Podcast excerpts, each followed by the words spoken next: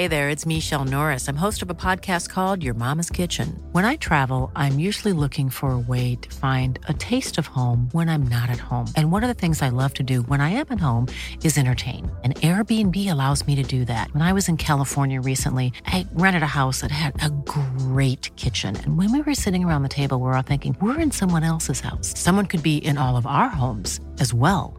If you have a home, but you're not always at home, you have an Airbnb. Your home might be worth more than you think. Find out how much at airbnb.com/slash host. Here's a cool fact a crocodile can't stick out its tongue. Another cool fact you can get short term health insurance for a month or just under a year in some states. United Healthcare short term insurance plans are designed for people who are between jobs, coming off their parents' plan, or turning a side hustle into a full time gig. Underwritten by Golden Rule Insurance Company, they offer flexible, budget friendly coverage with access to a nationwide network of doctors and hospitals. Get more cool facts about United Healthcare short term plans at uh1.com.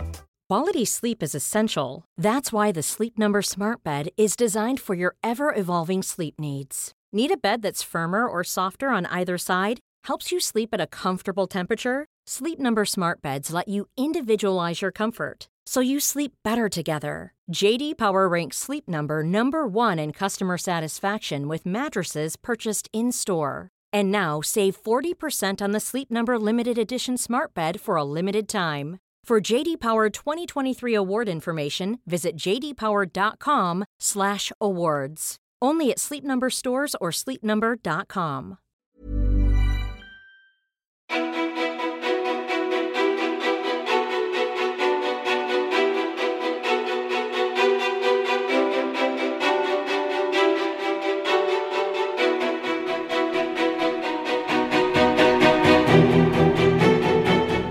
Bloggbevakning är antagligen Sveriges mest omtvistade blogg.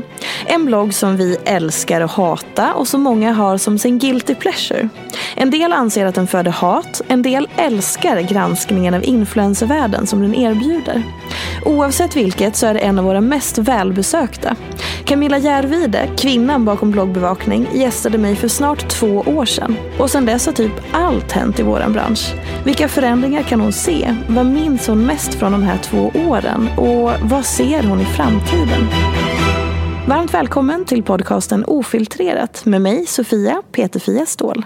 Yay! Yay! Välkommen tillbaka! Tack så mycket, tack! Eh, Vi konstaterade precis när du kom in här, så här, det är nog exakt, ganska precis Ja. exakt två år sedan som du var här sist. Ja. Och då var liksom din eh, blogg, bloggbevakning stor, Mm. välbesökt. Det hade blivit liksom en, ett fenomen. Men nu har det gått två år till. Mm. Och nu är det ju... Eh, så om så här.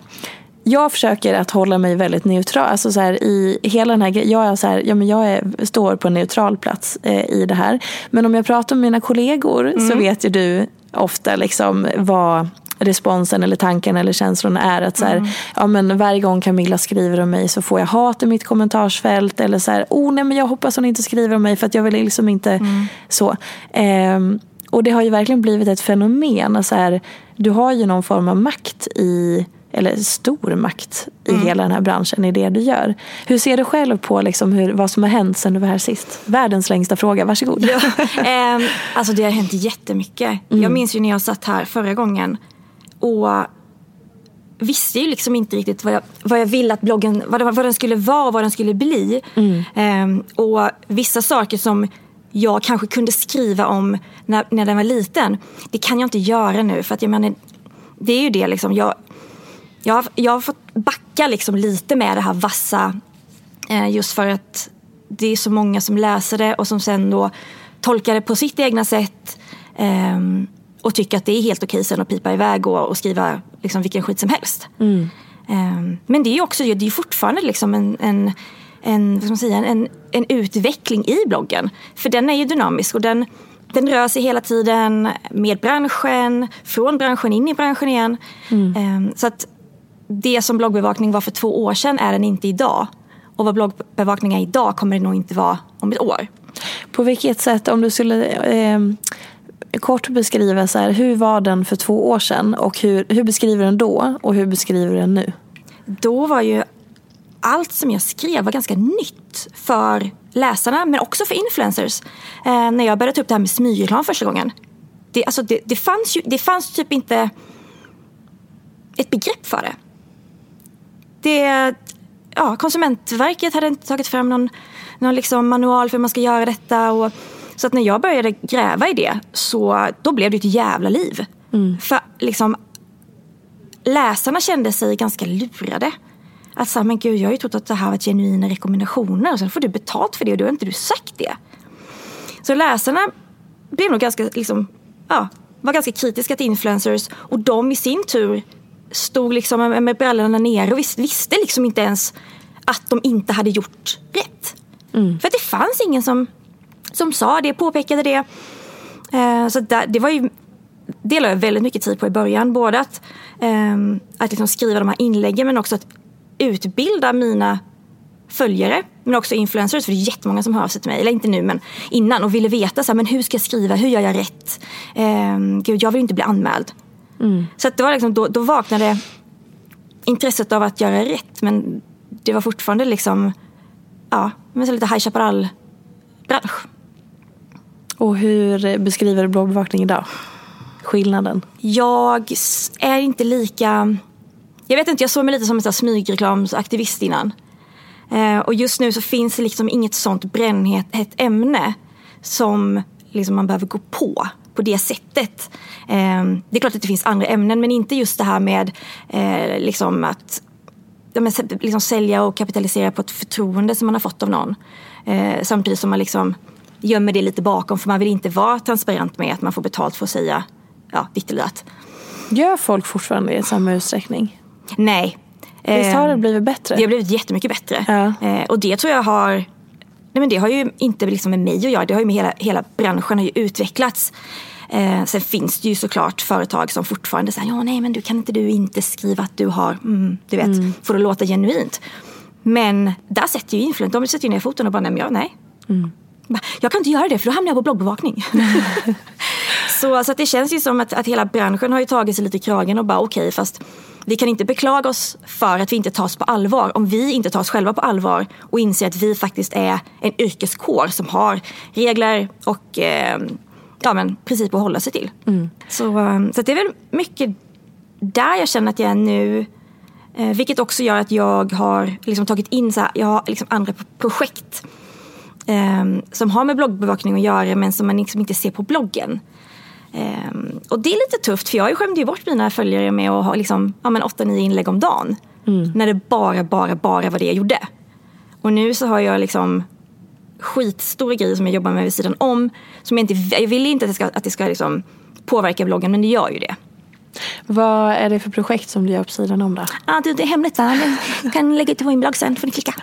ja, nej, jag får, inte, jag, får, jag får inte prata om det än. Um, men det är svinkul och um, ja, men lite faktiskt en, en, två drömmar som liksom visar sig för mig samtidigt, vilket är helt sjukt. På, hur då? Kan du, jag, hur jag, hände det? Eh, nej men så här, innan så var liksom, min stora dröm när jag, liksom, från att jag var fyra, det var att vara med i Melodifestivalen. Mm. Eh, så att, liksom, en sån dröm att jag har velat göra detta hela mitt liv. Eh, ja, nu fick jag inte vara med i Melodifestivalen. Men, ja, nej, men så det, det är projekt som jag har drömt om att få. En göra. barndomsdröm liksom? Ja, alltså, hela, alltså. Är det kopplat till influencergrejen? Mm, det är det, båda, båda grejerna. Ah. Eh, väldigt stora eh, så. Men och det är så tråkigt att, att, prata om det för att det är så här, ja men det kommer, ni, det, ni kommer få se det om ett år. Liksom. Ja. Är det om ett år ungefär? Ja, lite mindre. Lite mindre? Mm. Mm. Spännande. Mm, ja men det är, alltså, det är spännande samtidigt som jag kan ibland känna så här, men jag? Alltså, ja. så här, men, varför vill ni att jag ska göra det här? För jag menar, jag, jag, jag är inte journalist. Jag liksom skriver för att jag tycker att det är kul. Um, det uppskattas men ändå blir det så här, men snart, snart kommer ju någon komma på mig. Liksom, så att, men hon är kanske... Mm, du vet, ja. så, att, så att jag blir så här, men gud jag, jag vågar nästan inte... Ja, men jag vågar nästan inte prata om det för att det känns så, så som att jag typ kränker en yrkeskår. Spännande. Mm. Mm. Då får vi gissa sen. Ja men exakt. men eh, och så, som jag nämnde i intro, så här, visst två år har gått och så. Mm. Och det är så här, det, det, om jag bara tänker tillbaka på, så här, jag valde medvetet att inte lyssna på det förra avsnitt. För jag ville inte vara förfärgad av det vi hade mm. pratat om för två år sedan. Eh, men bara så när jag tänker tillbaka på det så var det ju väldigt kopplat. Dels så pratade vi ganska mycket om dig som person och så här, vem är du som är bakom liksom, mm. hela det här fenomenet bloggbevakning och så. Och det avsnittet finns ju kvar om man vill lyssna och lära känna dig mer. Mm. Eh, men det jag också slås av är ju den här Eh, att redan då så var vi väldigt inne på Isabella Löwengrip såklart. Mm. Som du har ju skrivit väldigt mycket om genom åren och så. Och sen hände ju hela den här granskningen av hennes statistik mm. och hela den biten hände ju. Eh, och det vet jag att du höll ju på att jobba med ja. när du var här sist. Eh, ja, väldigt hemligt. det var väldigt hemligt fortfarande, precis.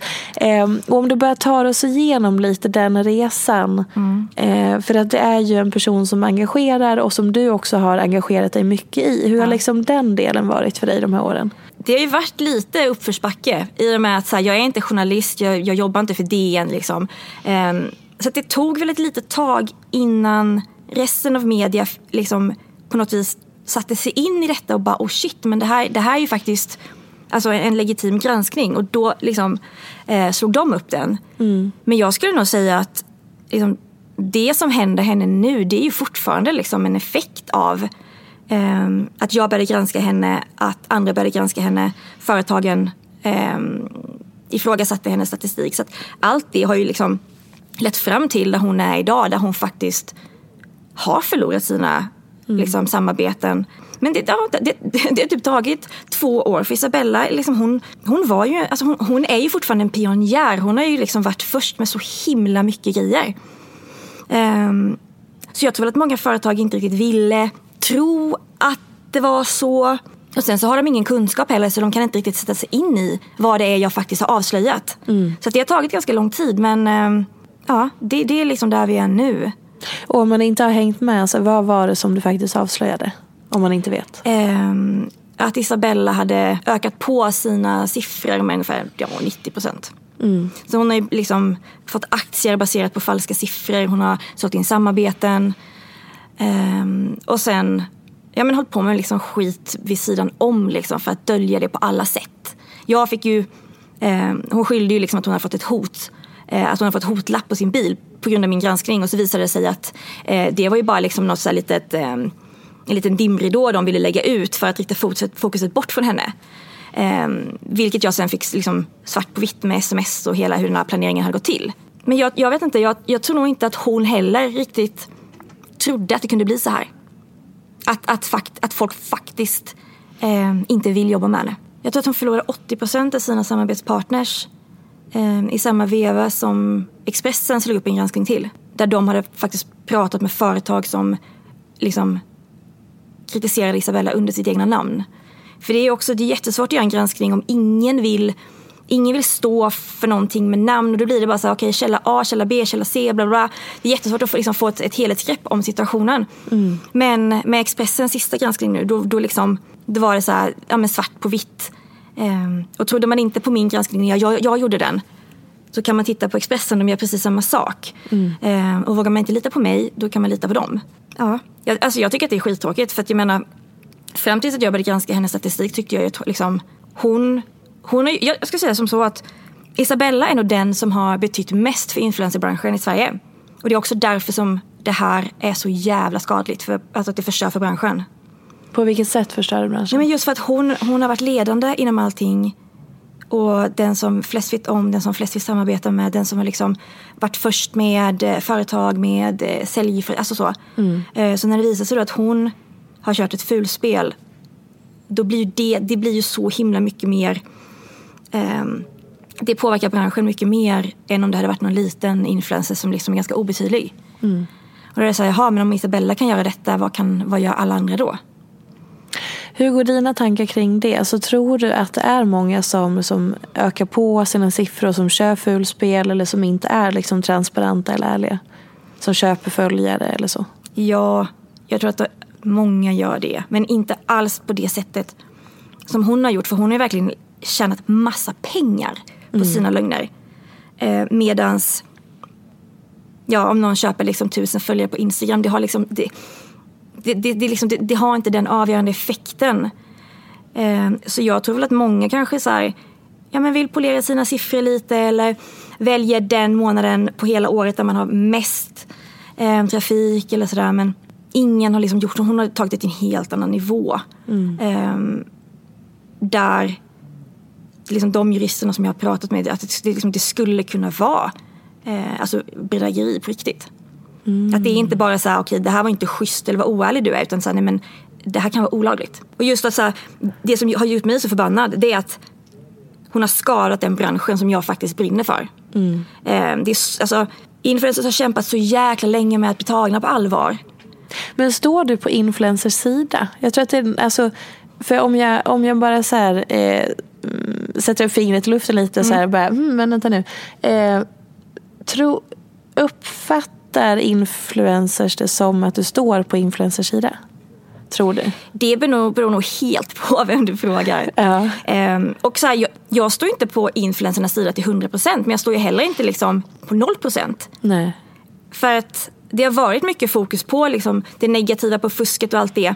Men det är ju också för att jag vill att den här branschen ska bli tagen på allvar. Mm. Och då måste man jag menar, alltså, då kan du, inte, du kan liksom inte sitta och, och inte vilja ta ansvar för saker och skylla på att du är liksom en privatperson och sen i nästa sekund ska du liksom tjäna massa pengar på någonting.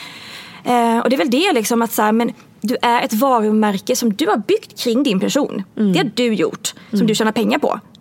Då kan inte privatpersonen komma sen och vara ledsen för att du har granskats. Jag kan tänka mig att många är såhär, men fan, liksom, hatar hon oss? Jag, kan bli, jag, jag blir provocerad av eh, gammelmedia som inte förrän nu har börjat titta på den här branschen med liksom granskande ögon.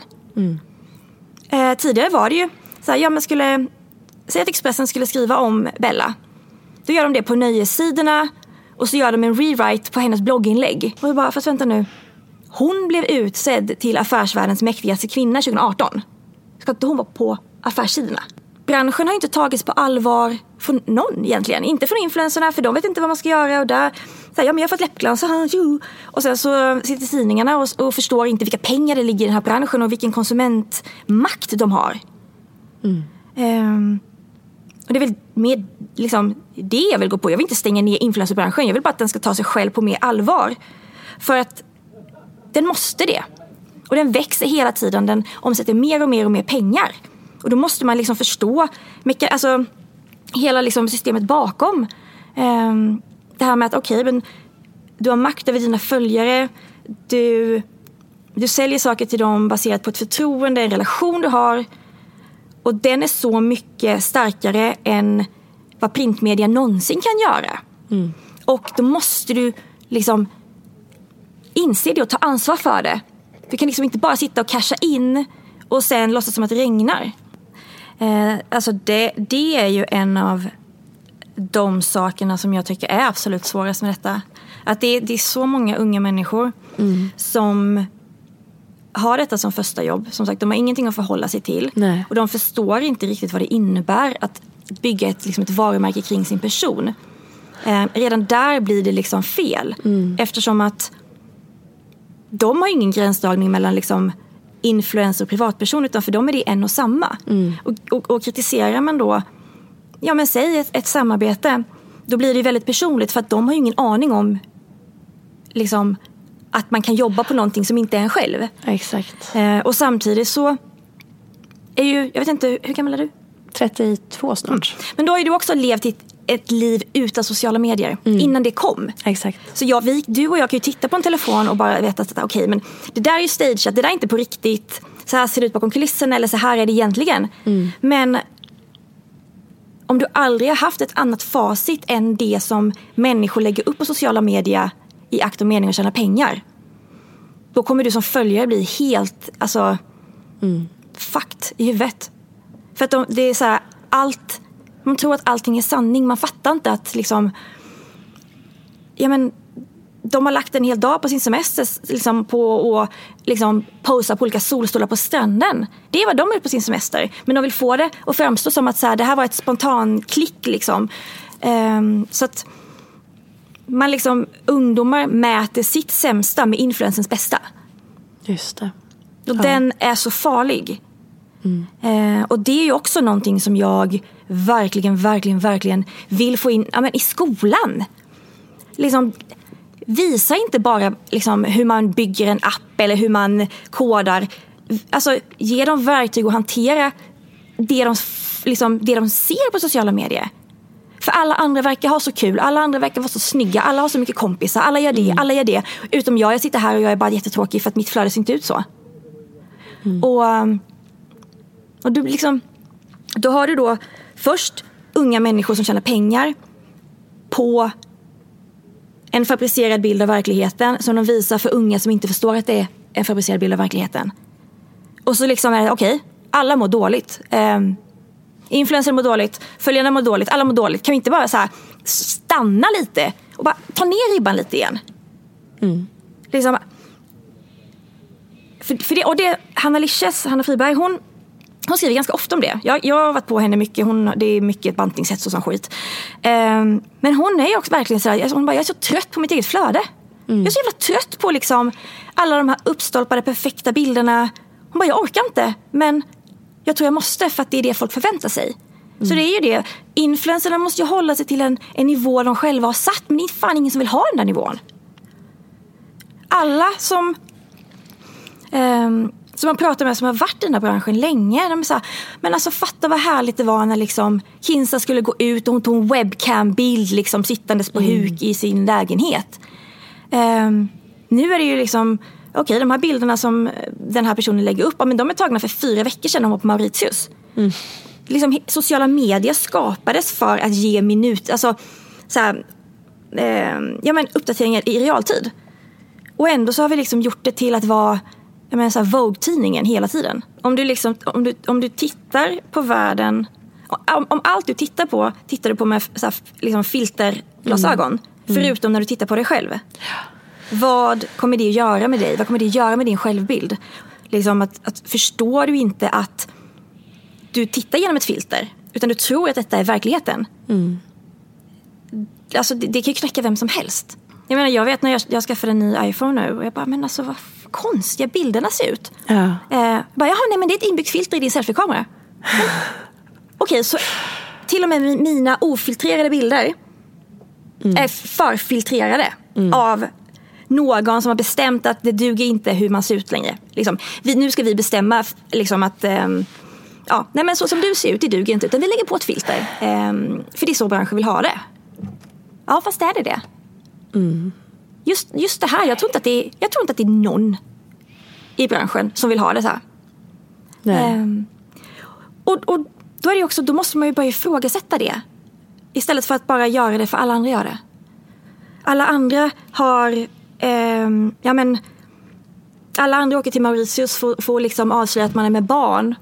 Och då ska man sitta liksom på huk i sanden och det här turkosa vattnet. Jaha, ja men shit, ja, men då måste man göra det.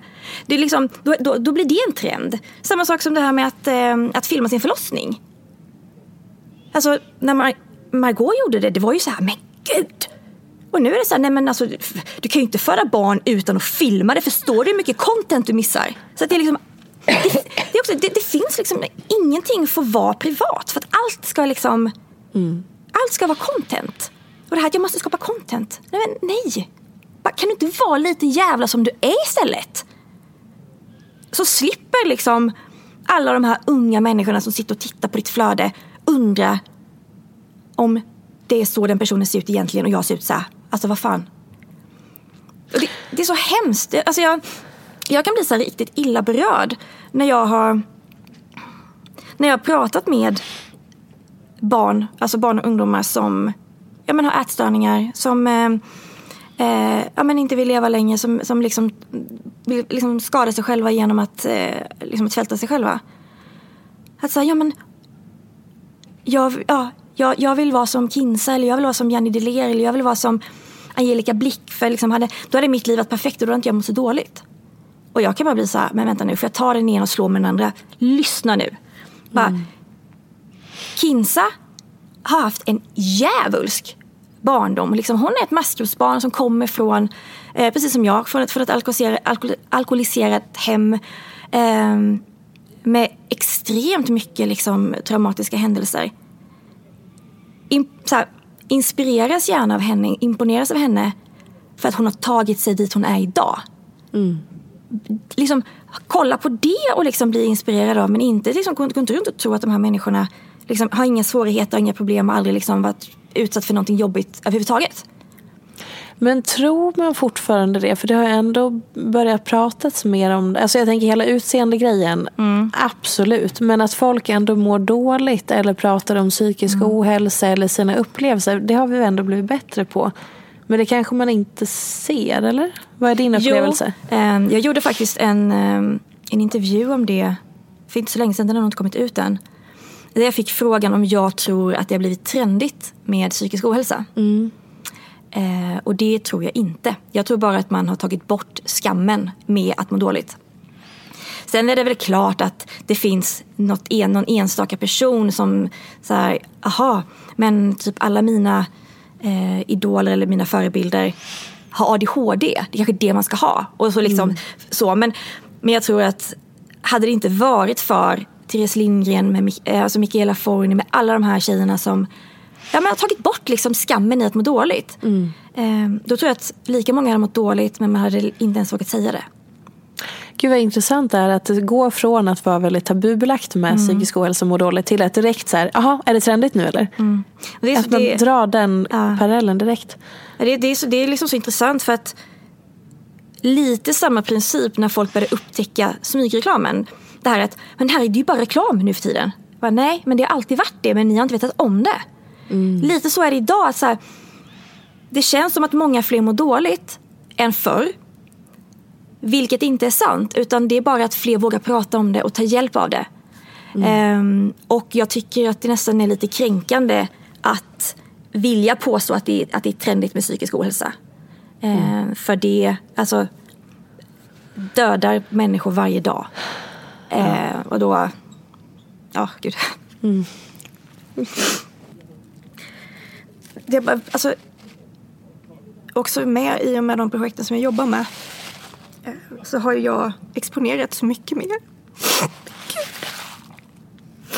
Nej, men jag har exponerat så himla mycket för unga människor som mår så dåligt och detta. Jag tror att det är därför jag blir så jävla arg. Mm.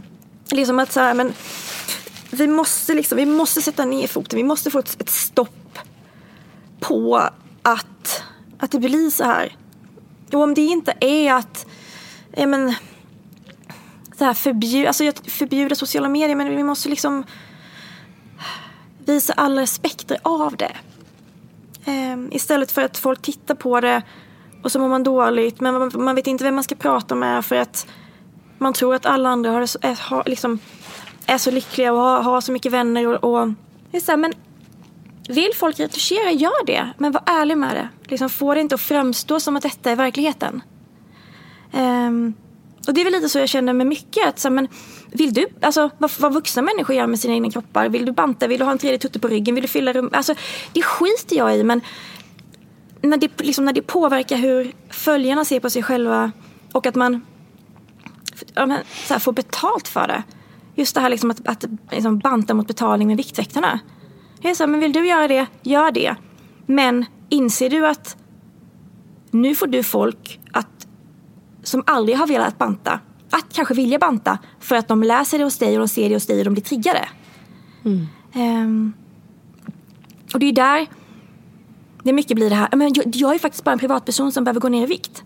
Ja, fast ditt samarbete fick du inte som privatperson. Det fick du i egenskap om att du har så här mycket följare som Viktväktarna vill att du ska påverka till att också vilja banta. Och det är lite där eh, jag tror att många tycker att jag är en jävla häxa.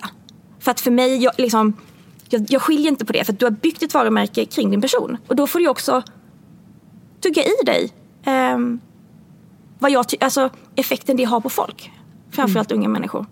Mm. Det är så här, alltså den, den, här generationen av unga människor de kommer vara så jävla skadade utan att ens veta varför. Det är så här, men föds du med en hälta då vet du ingenting annat. Och ja, jag, jag vet inte jag blir, jag vet inte om det är att jag börjar bli, jag blir äldre eller att jag, för jag har ju själv varit i den här, jag har gått på så här, alltså skönhetsevents liksom och inte tänkt någonting på det. Jag la upp bilder liksom så här, ja men här fick jag en goodiebag liksom och här är det, ja men från någon liksom klinik. Och det, det är inte för nu som jag inser vad fan jag kan ha, lätt, ha ställt till med. För många är ju så här, ah, men vadå, du har ju själv gjort det. Ja, exakt. Det är därför jag vet hur jävla farligt det är. Jag inser det nu, jag insåg inte det då. Men nu inser vi alla det. Och liksom, just det här också med psykisk ohälsa. Att det, det, liksom, det blir bara mer och mer och mer. Och kanske kan jag säga allt detta och göra allt detta och jobba mot det för att jag varit i det själv. Um, och ja, men man, man får gärna tycka att det, att det är skenheligt eller liksom så men vem ska kasta första stenen? Ja, men kan vi inte bara se till att det inte behövs kasta så jävla stenar? Um, så det, ja, jag tror att det är därför som jag kanske liksom uppfattas som, eh, ja men som en liten häxa. För jag, nej men jag vet inte, jag, jag blir så jävla rädd för, alltså Mom deserves the best, and there's no better place to shop for Mother's Day than Whole Foods Market. They're your destination for unbeatable savings, from premium gifts to show-stopping flowers and irresistible desserts. Start by saving 33% with Prime on all body care and candles. Then get a 15-stem bunch of tulips for just $9.99 each with Prime. Round out Mom's menu with festive rosé, irresistible berry chantilly cake, and more special treats. Come celebrate Mother's Day at Whole Foods Market. A lot can happen in three years, like a chatbot may be your new best friend. But what won't change? Needing health insurance. United Healthcare Tri Term Medical Plans, underwritten by Golden Rule Insurance Company, offer flexible, budget friendly coverage that lasts nearly three years in some states. Learn more at uh1.com. Mom deserves the best, and there's no better place to shop for Mother's Day than Whole Foods Market. They're your destination for unbeatable savings, from premium gifts to show-stopping flowers and irresistible desserts. Start by saving 33% with Prime on all body care and candles. Then get a 15-stem bunch of tulips for just $9.99 each with Prime. Round out Mom's menu with festive rosé, irresistible berry chantilly cake, and more special treats. Come celebrate Mother's Day at Whole Foods Market. I'm Sandra, and I'm just the professional your small business was looking for. But you didn't hire me because you didn't use LinkedIn jobs. LinkedIn has professionals you can't find anywhere else, including those who aren't actively looking for a new job but might be open to the perfect role, like me. In a given month, over 70% of LinkedIn users don't visit other leading job sites. So if you're not looking on LinkedIn, you'll miss out on great candidates like Sandra. Start hiring professionals like a professional. Post your free job on linkedin.com/people today. Hur känner du att det är det du uppfattas som av? Alltså vad får du för respons eh, från de du granskar? I början så var det ju, var det ju väldigt mycket negativt. För då tror jag inte att någon riktigt förstod vad det var jag gjorde. Liksom, så här, men kommer du liksom, med en skvallerblogg? Kommer folk kunna skicka till dig vad de, och påstå att jag har gjort detta och detta? Ehm, men sen när, när liksom bloggen blev liksom mer etablerad och min agenda kanske blev lite tydligare. Då tror jag nog att, de, att många tyckte att, liksom att i slutändan att det blev bra. För att de var ju tvungna att lära sig lite ja, men om sin egen bransch. Sen finns det ju alltid de som fortfarande kanske liksom hänger kvar lite i det där att de inte kan skilja på privatperson eh, och företag. Och det är ju jättetråkigt. Men bransch, alltså, jag kan ju inte, liksom, inte granska en viss person för att den blir ledsen som privatperson. Någonting som jag ofta har uppfattat då är att en del, alltså apropå det här, för du har ju ett otroligt levande och kraftfullt kommentarsfält. Mm. Och att eh, många influencers då känner att så här, fine att du skriver mm. kanske någonting som jag kan ta till mig av eller som liksom ändå är relevant. Men effekten blir att det blir hat mm. i kommentarsfältet. Antingen i liksom ditt inlägg eller att de tar sig vidare till personen och hoppar på den. Mm. Och så här, hur, jag fattar, jag, jag antar eh, att det inte är det. Det är såklart inte din avsikt att det ska vara så. Men att det ändå är en effekt. För då, mm. blir, då kan ju den personen som, blir, eh, som är i ditt inlägg då känna att den blir mobbad eller påhoppad ja. eller får hot och hat. Och liksom, hur kan man... För då blir det lite som att det är ditt syfte att så här, vi ska inte hålla, vi, sociala medier ska vara positivt mm. och vi ska liksom så. Men så blir det ändå mobbing mm. som effekt. Inte, det är inte ditt syfte. Men förstår att det blir ja. en så här konstig Ja, nej, men, hur fasen hanterar man, hur kan man göra med det? Ehm, jag tror att vi pratade om det för två år sedan. Ja. Och då kände jag ju så här, Då hade du precis jag, öppnat upp dig. Ja, och jag, sa, jag, kan inte, jag kan inte ta ansvar för vad andra skriver. Ja. Och det kan jag inte, men jag kan ta ansvar för hur jag skriver. Mm. Liksom, vill, vill någon gå in och skriva på en blogg att någon är dum i huvudet. Så här, ja men då kanske du kanske kommer göra det ändå. Eh, men jag... Ja, nej, men jag raderar kommentarer som kanske egentligen inte är jättenegativa liksom, i sig. Men jag vet kan trigga då en kommentar till och en kommentar till och en kommentar till. Um, och vissa saker vill jag inte ha i mitt kommentarsfält. Um, mycket där liksom spek spekulerar om, om folks, återigen, psykiska ohälsa. Um, alltså det finns tillräckligt mycket saker att kritisera den här branschen för så att vi behöver inte hitta på saker eller liksom leta på Flashback efter någonting att liksom kunna hugga tag i. Mm. Um, och den regeln gäller ju liksom alla jag skriver om. Um, för många kan nog få för sig att ja, men med Isabella då är det ju liksom fritt spelrum. Mm. Men absolut inte. Jag tror att jag raderade 60 kommentarer på bussen hit. Eh, som alla handlade om hennes psykiska mående och hennes eventuella inläggning på någon, någon klinik. Mm. Och, och det är så här, nej. För att även, säg att hon, säg att hon ändå liksom la upp den här bilden för att få en reaktion. Det i sig tycker jag är så jävla ledsamt att jag vill inte skriva om det ändå. För hon la ut en bild i morse mm. eh, där det eventuellt ser ut som att hon är på sjukhus. Ja, precis. Ja. Um, och jag tycker så att är hon alltså så pass liksom långt nere att hon använder en eventuell sjukhusbild liksom bara för att skapa liksom, eh, ja, men intresse kring sin person. Då är det så här, men alltså det är ju, nej. Jag vet inte, om, om det var hennes agenda så tycker jag att det är ett bevis nog på att man kanske inte ska skriva om det. Mm. Vad är eh, det värsta som du har sett i ditt kommentarsfält? Det är faktiskt, eh, jag kan faktiskt inte säga vad det är för att de kommentarerna eh, har gått till ett säkerhetsföretag som eventuellt kommer leda till en polisanmälan. Mm. Eh, så att så här, ibland kan jag känna att så här, du kan skriva en jättelång och jättearg kommentar som ändå kan liksom innehålla substans.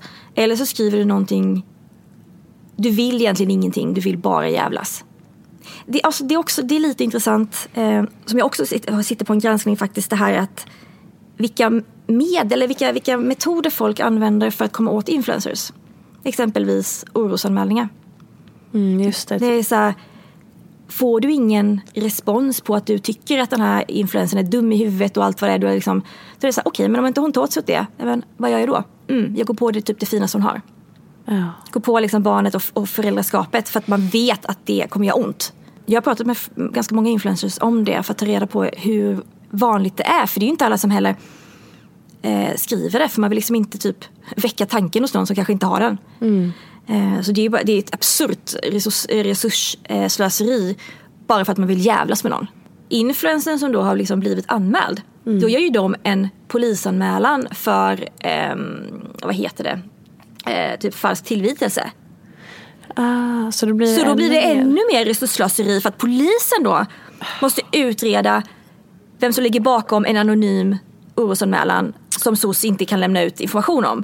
Så det är så här, men, alltså, och det är återigen liksom, liksom de, de, den tiden och de pengarna.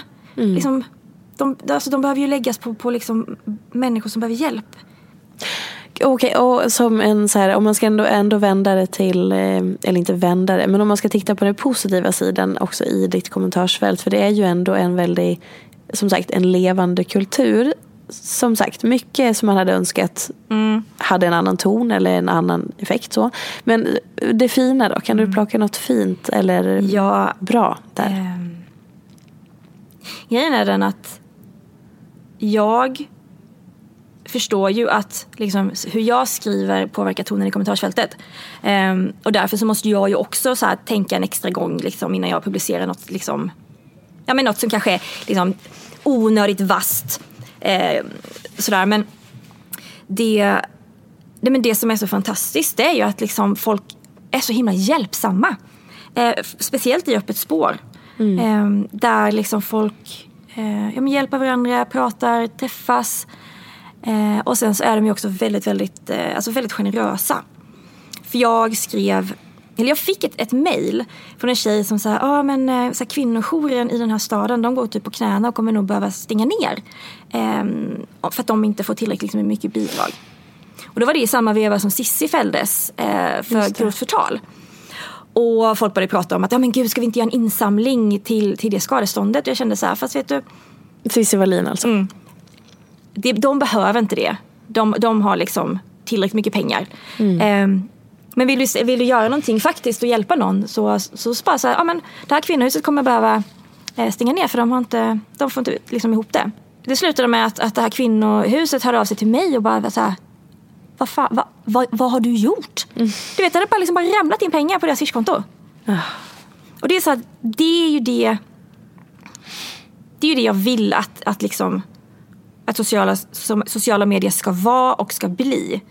Vad skulle du säga är, liksom, eller bara säg några som är en så inspiration och förebilder i branschen som ändå man kan så se upp till eller så inspireras av som, som gör mycket vettigt? Um, ja, men Sandra tycker jag. Sandra är... Sandra Beijer. Ja, precis. Sandra Beijer väljer ju, hon väljer ju sina samarbeten utifrån sin målgrupp, inte nödvändigtvis vad hon själv vill göra. Mm. För det, det, och det är också lite den här faran i, eh, i, i att vara i branschen och inte liksom vilja se att man är en reklampelare.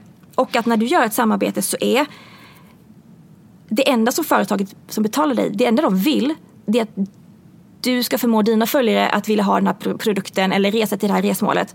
Så att ja, kampanjen betalar sig och de går med vinst. Mm.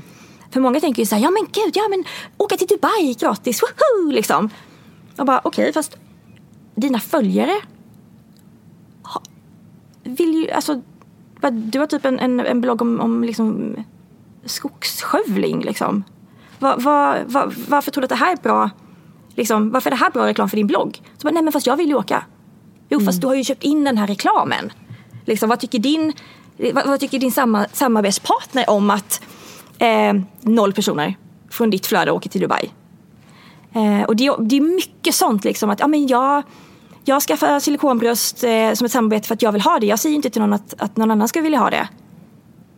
Jo, det är ju det, är det som är hela poängen med att de betalar för dina. Det, jag, jag, jag, jag kallar det är så här Paradise Hotel liksom, som förmodligen inte ens kanske förstår att det de gör är ett jobb och att det finns lagar och regler mm. eh, att ta hänsyn till. Eh, men som sagt, jag tror att det lite kommer försvinna. Eh, och jag hoppas ju också på en, på en tydligare lagstiftning mot det. För att det finns ju, det finns ju så mycket kryphål i den svenska läkemedelslagen. Mm. Eh, där du till exempel, eh, det är förbjudet att eh, som privatperson marknadsföra en medicinsk produkt som botox. Mm. Men det är helt okej att marknadsföra när någon injicerar botox i dig. Gud vad sjukt. Mm. Um, och då blir det så här, men, men vadå, och för, jag vill inte vara något föredöme och jag säger, alltså du vet. De här, ja men där, liksom Paris Hotel-profilerna. Det är ju lite så här, ja men upp som en sol, ner som en pannkaka för sen börjar Big Brother.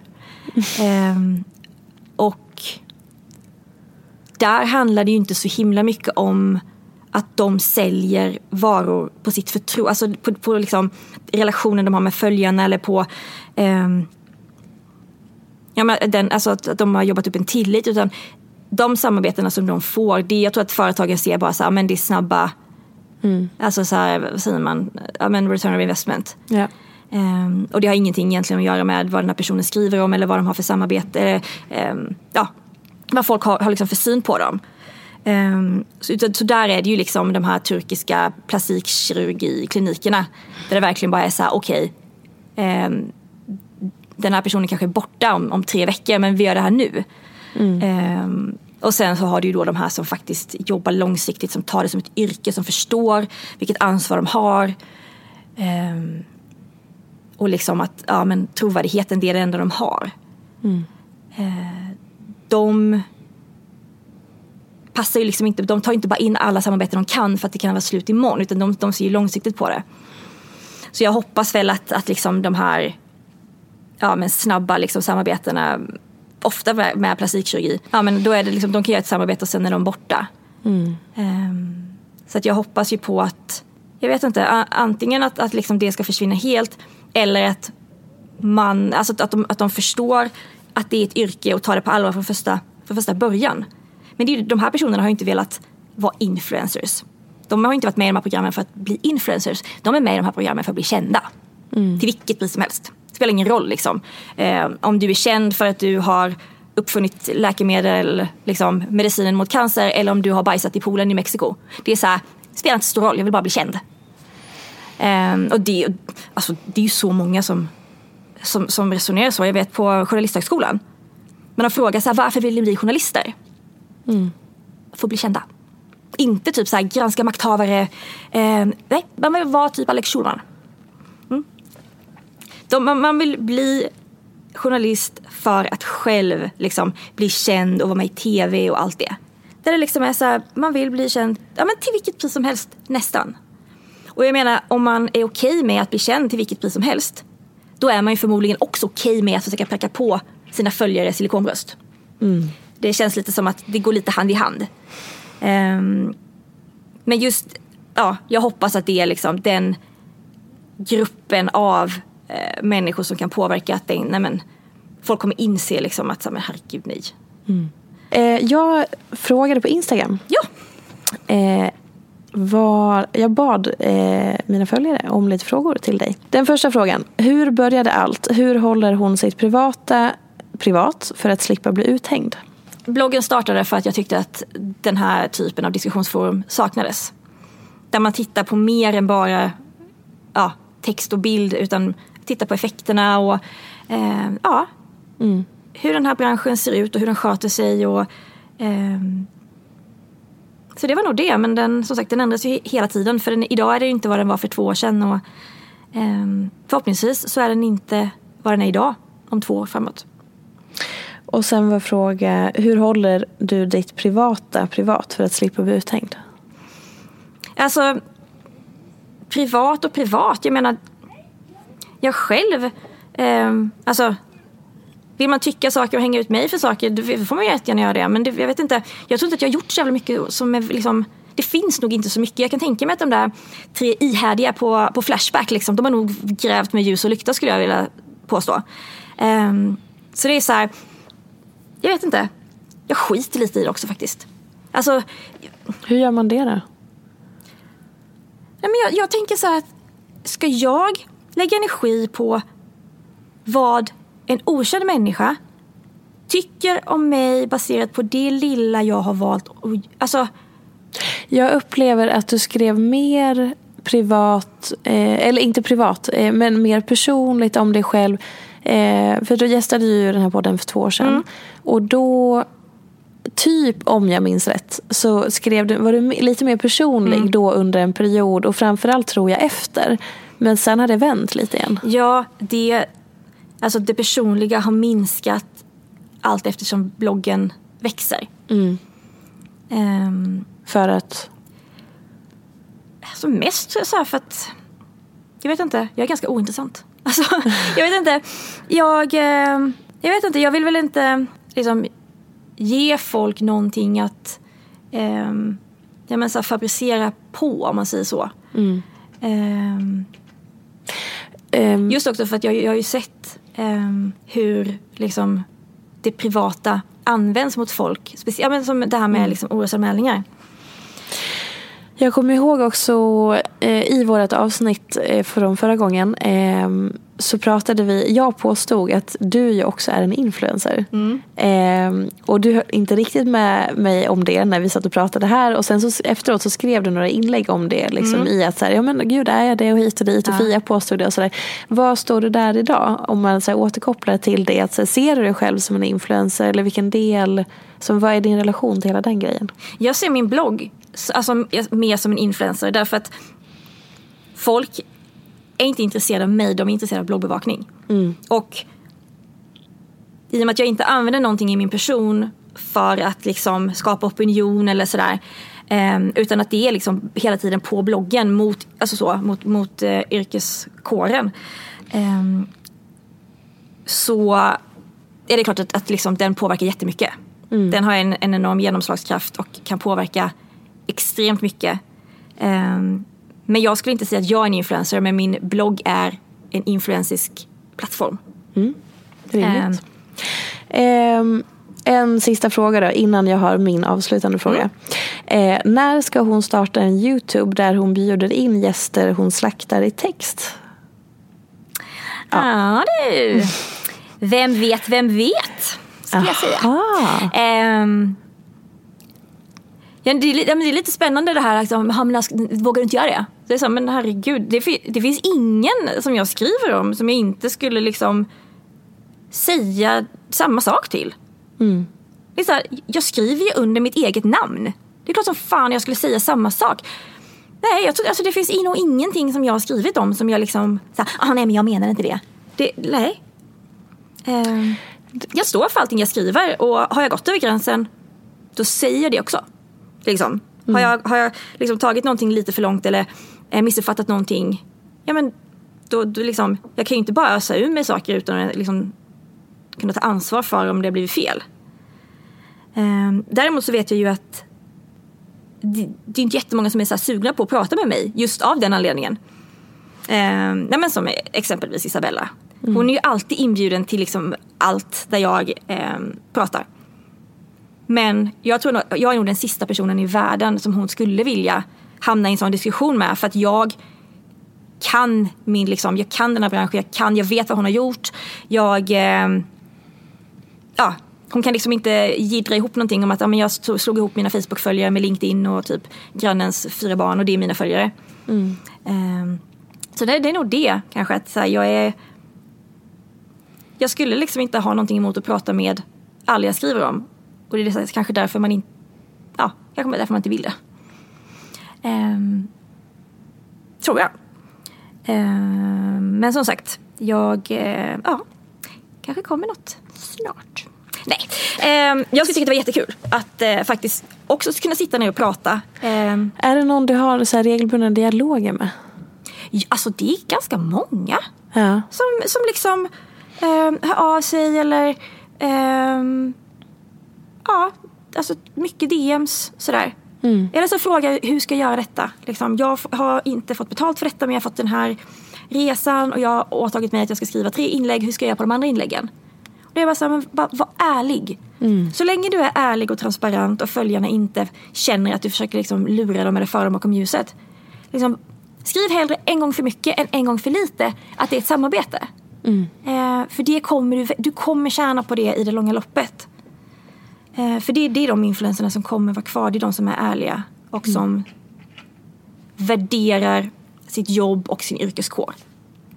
Och den sista avslutande frågan som jag alltid ställer. Vad är inte som det ser ut? Oh. Och inte tänka för länge. Vad är det första du tänker på? Nej men, mitt jobb skulle jag säga. Mitt jobb är nog inte vad det ser ut. Ja, berätta Ja. mer. Ja, men just att det, det, och att det är så här, det som man ser, säg idag. De, liksom det man ser idag på min blogg är kanske 20 procent av vad jag har jobbat med idag. Och vad är det du jobbar med idag? Nej, det är hemligt. eh, så, att, så att det är nog det. Eh, sen så är det ju liksom många som, som liksom tittar på mig och, eh, och, och tror väldigt mycket saker. Men jag kan säga så här. 99% av det som folk tror om mig är helt fel. Alltså helt Vad tror de om det fel. Nej, men man tror att jag, är, liksom, att jag är på ett visst sätt eller att jag ehm, jag menar att, att jag liksom beter mig på olika sätt eller att jag egentligen vill vara det ena eller det andra och så gör jag det på grund av det. Nej, det var det inte. Men du vet att, att, att, att jag vet inte. Jag är liksom helt mig själv när jag skriver den här bloggen, när jag sitter här. Eh, men jag, sagt, jag väljer ju liksom vad jag vill de- dela med mig av och vad jag vill eh, att folk ska veta. Så att så här, har du en åsikt om mig då har du det förmodligen av någonting som jag har gett dig. Och då är det helt okej. För att då har jag valt, alltså. ehm, men sen så det är många som, som också tror att jag är extremt så här, konflikträdd. Att jag, ja, du vågar bara sitta bakom din tangentbord. Men så, nej, jag är lat. Orkar inte åka till stan. Ehm, så det, nej men det, det är nog det. Ehm, tror jag. Att tror sig veta mycket om mig. Förmodligen baserat på deras egna fördomar, skulle jag säga. Mm. Ehm, Spännande. Då får vi se alldeles snart då, Ja. eh, om ett tag, vad det är som du jobbar med som är så hemligt. ja. Det dröjer lite till. ja, fast det är inte jättelänge till tror jag inte. När då? Kan komma ett pressmeddelande. Snart? Ja, Inom eh, en månad? ja det hoppas jag. Jag tror det. Bra. Jag ska gissa sen vad det är du håller på med, men jag kan göra det efter. Ja, det ska också bli, det ska bli väldigt spännande. Eh, den här liksom reaktionen bland influencers när de får reda på vad det är jag jobbar med. Mm. Eh, ja, den den, den, uff. Det är nog lite som när jag precis startade upp bloggen. Och folk bara så här, men gud, du har ju, vi har ju träffat dig på event. Så här, vad kommer, kommer du att skriva liksom? Eh, för, för, de var liksom oroliga att, att jag skulle skriva om så här, privata saker som jag hade hört innan jag startade bloggen. Och det är nog lite så nu också att så här, oj då. Vad, vad blir det här? Spännande. Men det kommer bli bra. Det blir bra. Tusen tack för att du ville komma hit igen. Vi ses om två år igen. Tack så jättemycket. Och följ Camilla på bloggbevakning och då de här nya grejerna som eh, kommer att komma inom kort. Precis. Hashtag clickbait. Ah, verkligen. Tusen tack och puss och kram och vi hörs nästa vecka. Hej då! Följ mig gärna i sociala medier. Jag heter Peterfia på Instagram och bloggar på peterfia.se. Vill du komma i kontakt med mig så gör du det på info.peterfia.se. Jag vill rikta ett stort tack till Acast för studio och stöttning och ett stort, stort tack till geniet Elin Sjödén som klipper den här podcasten.